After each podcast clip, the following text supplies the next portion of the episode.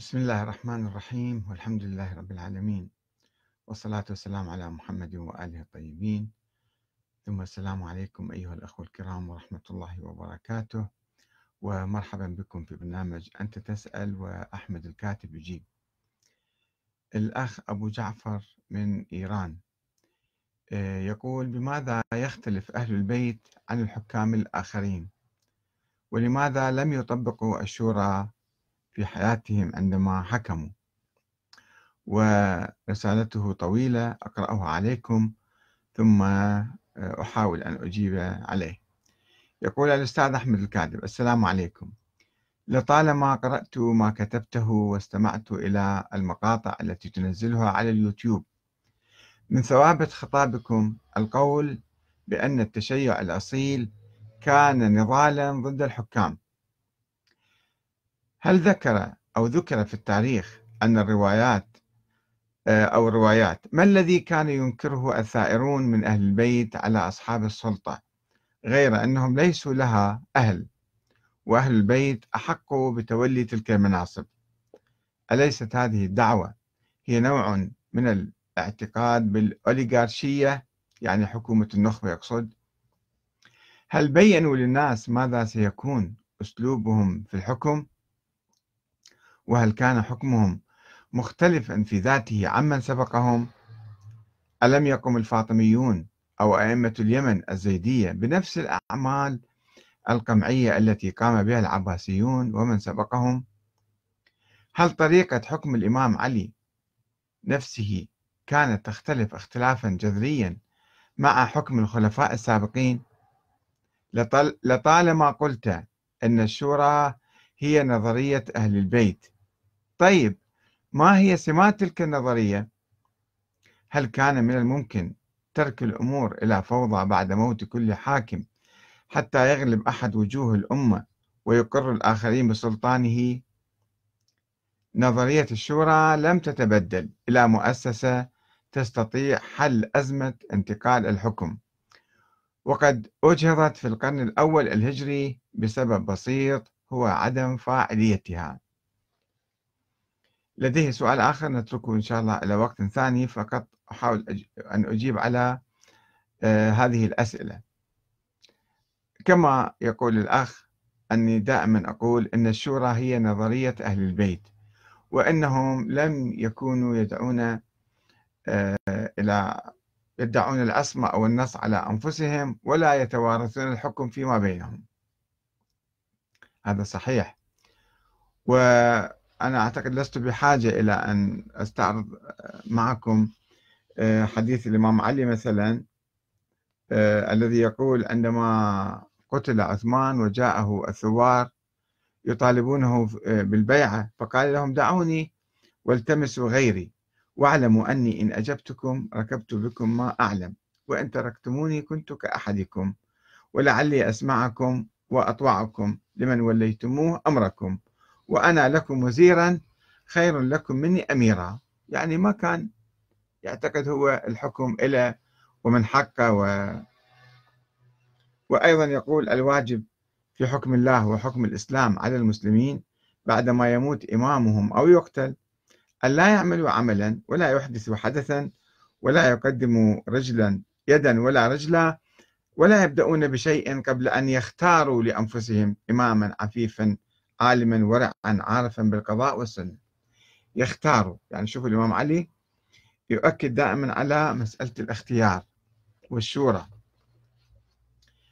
فلم يكن يعني يدعي العصمة أو النص عليه من الله تعالى. أما هل اختلف حكم الإمام علي عن حكم الحكام السابقين؟ ففي الحقيقة هو يعني اتفق مع بعضهم واختلف مع بعض آخر. و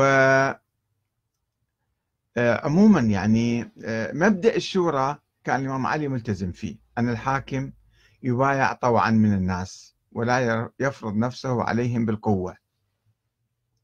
هذا المبدأ ثابت. أما تفاصيل هذا المبدأ ففي نقاش في الحقيقة في في كلام حقيقة.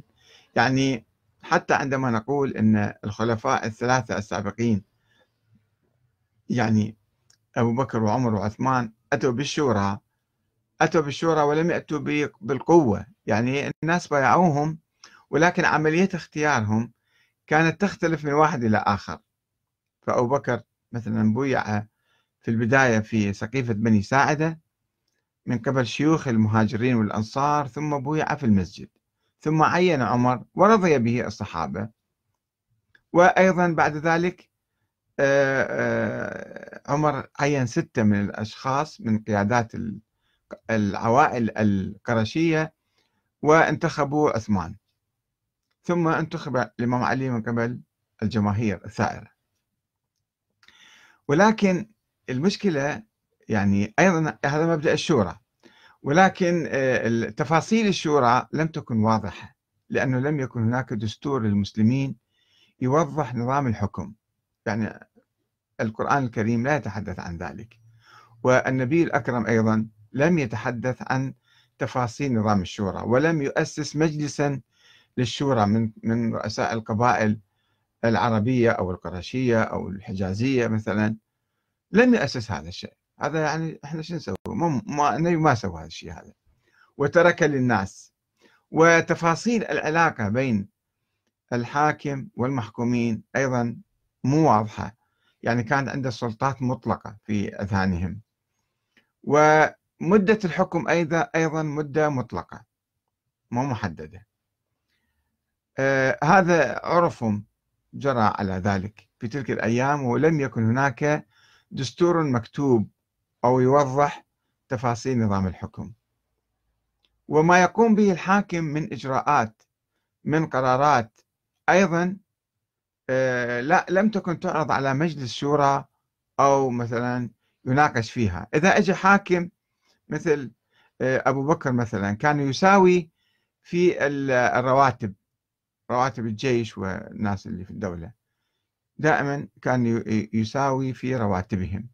جاء عمر اجتهد قال لا خلي بعد ما جاءت الأموال طبعا أموال الغنائم الحروب وكانت هائلة جدا فوضع درجات. أول شيء زوجات النبي أهل البيت يعني ثم آه، العترة عموما يعني ثم المهاجرين ثم الأنصار ثم أصحاب بدر ثم أصحاب أحد يعني رتبهم ثم العرب ثم بقية الناس. درجات كان يعطي رواتب حسب درجات معينة. ويقال أنه في آخر عمره تندم على هذا الشيء وقال لو أنا باقي بالحياة لساويت كما ساوى أبو بكر بين الناس. والإمام علي أيضا سياسته كانت المساواة في الأجور والرواتب يعني ما كان يفضل واحد على واحد. لا سيد قرشي على مولى ولا أحد على آخر كلهم يساويهم سواسي. الناس عندي كأسنان المشط كان يقول الإمام علي. بينما مثلا عثمان بن عفان كانت عنده نظرة أخرى للمال. أبو بكر وعمر والإمام علي كان عنده نظرة أن المال هذا مال الناس وهم أمناء عليه. عثمان بن عفان كان عنده نظرة أخرى يقول لا هذا المال تقريبا يعني أنا حر أتصرف به. وكان يوزع بالملايين يعطي هذا وذاك من أقربائه أو أنصاره بدون حساب. ولذلك حدثت الثورة عليه. فكانت هناك نظرات مختلفة للمال. أما في الحكم المطلق في القرارات كلهم كانوا سواسي يعني كلهم حتى الإمام علي كان نفس الشيء يعني ينظر إلى الحكم. وعندما ولكنه كما قلنا كان يؤمن بالشورى فلم يعين ابنه الإمام الحسن خليفة من بعده. وهذا موجود أيضا في آه، السيد المرتضى يذكر ذلك أيضا. هذه الرواية أقرأ لكم إياها. عندما ضربه عبد الرحمن بن ملجم دخل المسلمون على الإمام علي وطلبوا منه أن يستخلف ابنه الحسن. فقال لا إنا دخلنا على رسول الله فقلنا أستخلف فقال لا أخاف أن تفرقوا عنه كما تفرقت بنو إسرائيل عن هارون ولكن إن يعلم الله في قلوبكم خيرا يختر لكم. وسألوه أن يشير عليهم بأحد فما فعل. فقالوا له إن فقدناك فلا نفقد أن نبايع الحسن. فقال لا أمركم ولا أنهاكم أنتم أبصر. هذه المرتضى في الشافي جزء 3 صفحة 295 وأيضا في كتاب آخر اسمه تثبيت دلائل النبوة جزء 1 صفحة 212 وابن أبي الدنيا في مقتل الإمام أمير المؤمنين صفحة 43 والمجلسي في بحار الأنوار جزء 7 باب أحاديث تنسب إلى سليم غير موجودة في كتابه. يذكر هذه القصة. أنه الإمام علي كان يؤمن بحق الأمة باختيار الإمام ولم يفرض عليهم أحد الإمام الحسن انتخب. وبويع.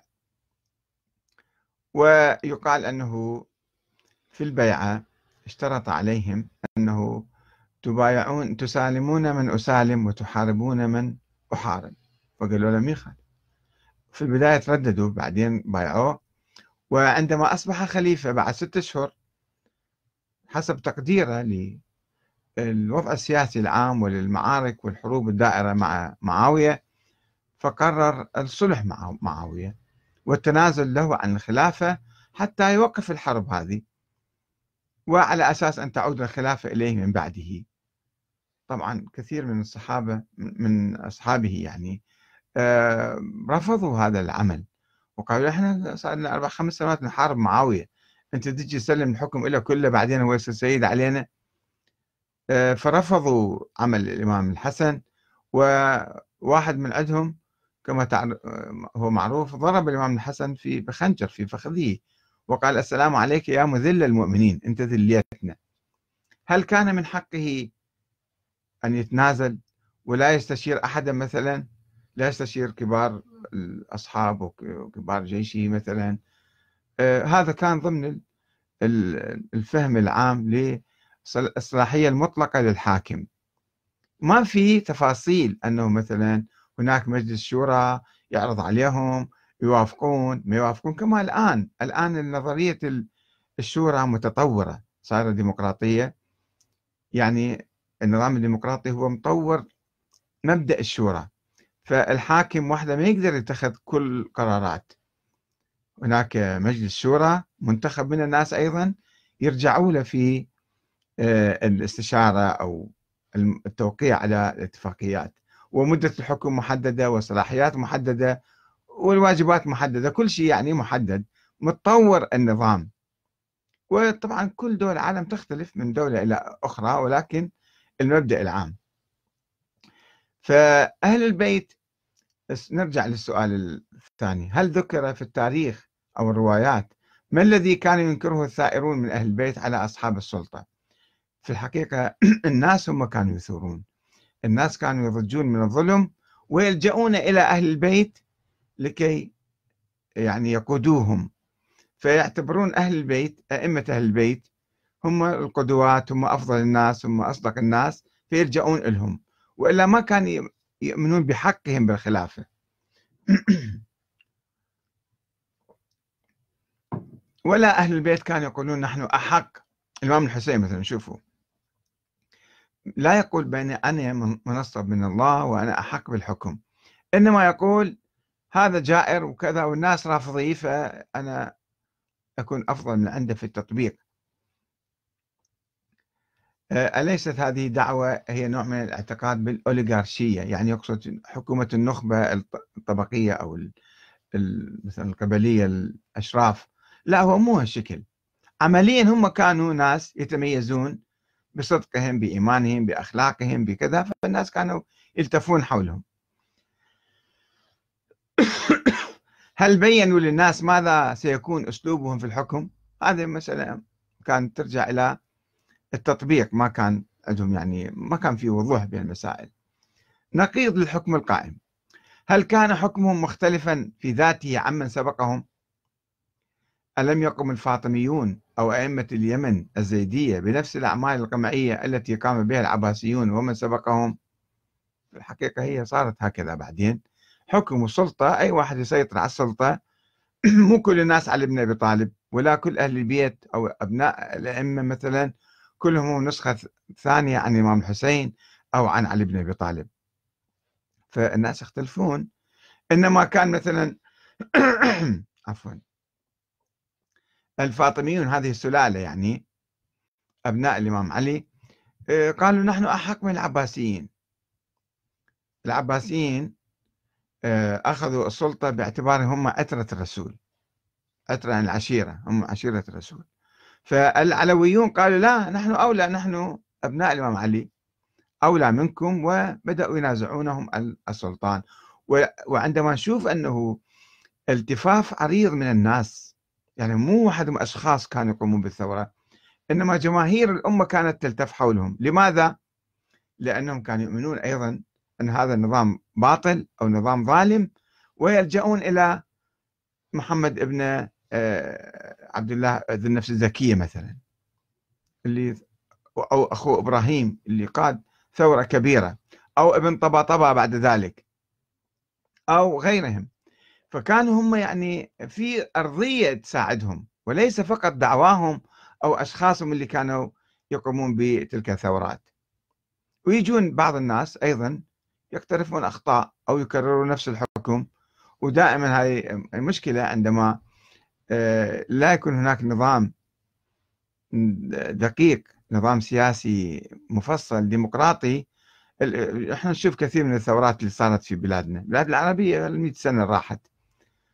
يجون ناس يقولون إحنا راح نسوي ثورة ويكررون نفس ظلم السابقين ونفس طريقتهم لأنه لا يبنون نظام ديمقراطي لا يرجعون إلى الشعب ولا يلتزمون بالدستور ولا يلتزمون بقوانين فيكررون نفس الأخطاء. ولكن الشعب في البداية يأيدهم لأنه يكون متأذي من الحكم السابق. وعندما يأتي هؤلاء الجدد يكررون نفس الشيء سواء كانوا قوميين أو يساريين أو إسلاميين أو بعثيين شوفون دائما تتكرر هذه القصة. دائما الناس يقولون إحنا ثرنا على نظام معين واجى النظام الجديد ألعن من النظام السابق. كلما جاءت أمة لعنت أختها. ليش؟ لأنه ما يتأسس نظام جديد على أسس سليمة. فقط بشعارات وقوانين السلطة هي تغير الحكام وتخليهم يرتكبون نفس الأخطاء. وأكثر من الحكم السابق. ظلمهم وتعذيبهم وقتلهم واضطهادهم يكون أكثر من الظلم السابق من النظام السابق. وهذا معناته أنه يجب أن نأخذ عبرة من ذلك. مو فقط لأنه هذا من أهل البيت أو هذا إسلامي أو هذا مثلا ولاية فقيه أو هذا مرجع أو هذا عالم أو هذا حزب إسلامي إذا سوف يكون أمينا ومخلصا وعادلا. يجب الشعب هو يأسس لنظام العدالة.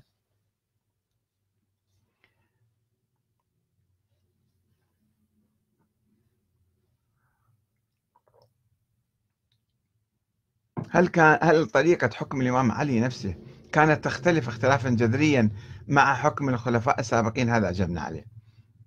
لطالما قلت أن الشورى هي نظرية أهل البيت. طيب ما هي سمات تلك النظرية؟ المبدأ فقط كان صحيح ومتفقين عليه. أما تفاصيل النظرية التفاصيل الدستورية اللي الآن إحنا مثلا نقول هذا نظام ديمقراطي وهذا دستوره وهاي تفاصيله هذا ما كان موجود صراحة يعني. آه العقل هو لأنه هذا مو دين. هذا مو مو نظام ديني آه، موحى به من السماء. إنما هو نظام عقلي وعرفي حسب ظروف الناس حياتهم ذيك الأيام. تطورهم الحضاري كانوا مثلا آه، يقومون ببعض الأمور. الآن الفكر السياسي متطور ولذلك يجب أن نلتزم به نحن. هل كان من الممكن ترك الأمور إلى فوضى بعد موت كل حاكم حتى يغلب أحد وجوه الأمة ويقر الآخرين بسلطانه؟ كأني أفهم من هذا السؤال أنه يقول يعني التوريث كان عادي لازم يصير توريث. نظرية الشورى لم تتبدل إلى مؤسسة تستطيع حل أزمة انتقال الحكم وقد أجهضت في القرن الأول الهجري بسبب بسيط هو عدم فاعليتها مو عدم فاعلية نظام الشورى مثل ما تتفضل. يا أخ أبو جعفر أنه ما كانت هناك مؤسسة ونظام ودستور واضح. فنظرية الشورى ما تحولت إلى آه، آه، يعني حل أزمة انتقال الحكم. ولذلك شفنا الاضطراب اللي حصل في سقيفة بني ساعدة وفي النص والوصية إلى عمر وفي الشورى الستة. لأنه يكون في خلل وهذا الخلل هو الذي أدى إلى انهيار تجربة الشورى. مجرد 25 سنة وانهارت التجربة 30 سنة وراحت. فكان في نقص. هذا نظام بشري مو نظام ديني مو موحى به من الله تعالى. فلذلك كان في أخطاء كان في نقص. ما كان نظام ناضج ومتكامل. آه، صحيح. عنده سؤال آخر يقول آه، مسألة أخرى. في خطاباتك دائما تنسب الغلو إلى بعض الناس أو أصحاب الأئمة. لقد ظل هذا السؤال يراودني. لماذا تم الغلو في حق هذه السلسلة من الأئمة؟ يقصد الأئمة الاثني عشر مثلا. ولم يتم في حق غيرهم كزيدية ما غلوا فيهم. إن كانوا هم ينفون الغلو عن أنفسهم لما نشأت الفكرة حولهم ولم تنشأ حول أولاد عمهم؟ هل يمكن القول أنهم لم ينفوا بادرة جعل الإمامة أمرا إلهيا وفرض صاحبها يتمتع بتأييد إلهي خاص وهذا ما لم يقبله أئمة الزيدية في حق أنفسهم. صحيح هو أئمة الزيدية أيضا شوية كان في كأي حاكم يكون له نوع من التعظيم والتجليل والمرجعية ويبقى هو يعني مصدر. الآن حنشوف زعماء أحزاب مراجع الناس يعظموهم ويغالون فيهم وينسبوا لهم أشياء كثيرة. فهذا كان يحدث بالتاريخ. وبالذات عندما مثلا طرحت فكرة أن الأئمة معينين من قبل الله وعدهم علم من الله وعدهم مثلا ملائكة تنزل عليهم. هذا الكلام قيل حول أئمة أهل البيت حول الإمام الباقر والصادق والكاظم وكذا. فلذلك نشأ حولهم هذا الكلام. أنا أشك بأنهم هم كانوا يقولون هذا الكلام. أرفض هذا الكلام. أنزههم أنزه الباقر والصادق عن دعوى الإمامة الإلهية والارتباط الخاص بالله مثل الأنبياء. ولكن هذا الكلام هذه النظرية راجت حولهم في تلك الأيام. ولذلك تضخمت ولذلك صار الكلام يجر الكلام.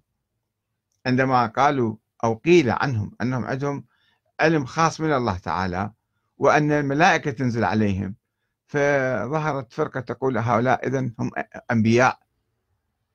هم نفس عمل الأنبياء. الأنبياء ماذا؟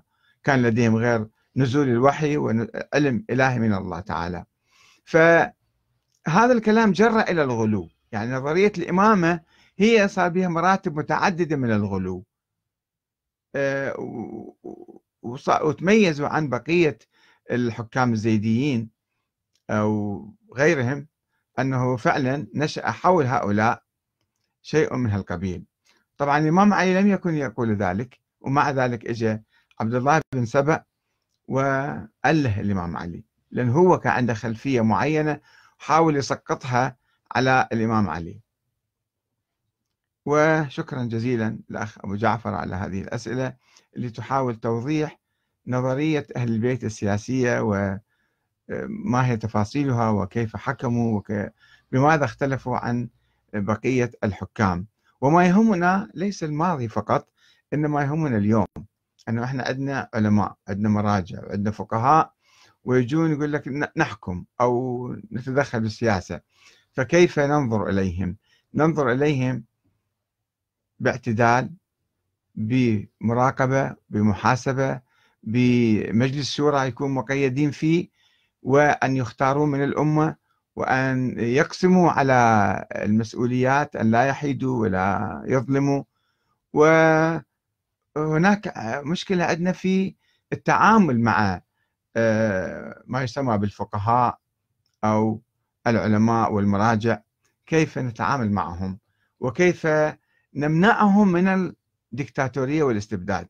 هذا أيضا موجود. خطر قائم أن العلماء والمراجع والفقهاء هم بشر بالتالي غير معصومين وإذا أخذوا سلطات مطلقة مو محددة يمكن يطغون ويستبدون ويصبحوا دكتاتوريين لذلك مثلا نشوف في نظام الجمهورية الإسلامية هناك مجلس شورى برلمان يحاسب يراقب وأيضا آه، حتى مجلس الخبراء الذي ينتخب القائد يراقبه وقد يغيره أيضا في موجود في الدستور الإيراني هذا. أنه قادر هذا المجلس على إذا شاف أن هذا القائد أو الولي الفقيه فاقد لبعض القدرات الجسدية أو الذهنية أو الإيمانية أو التقوى يغير ويجيب واحد آخر. والسلام عليكم ورحمة الله وبركاته.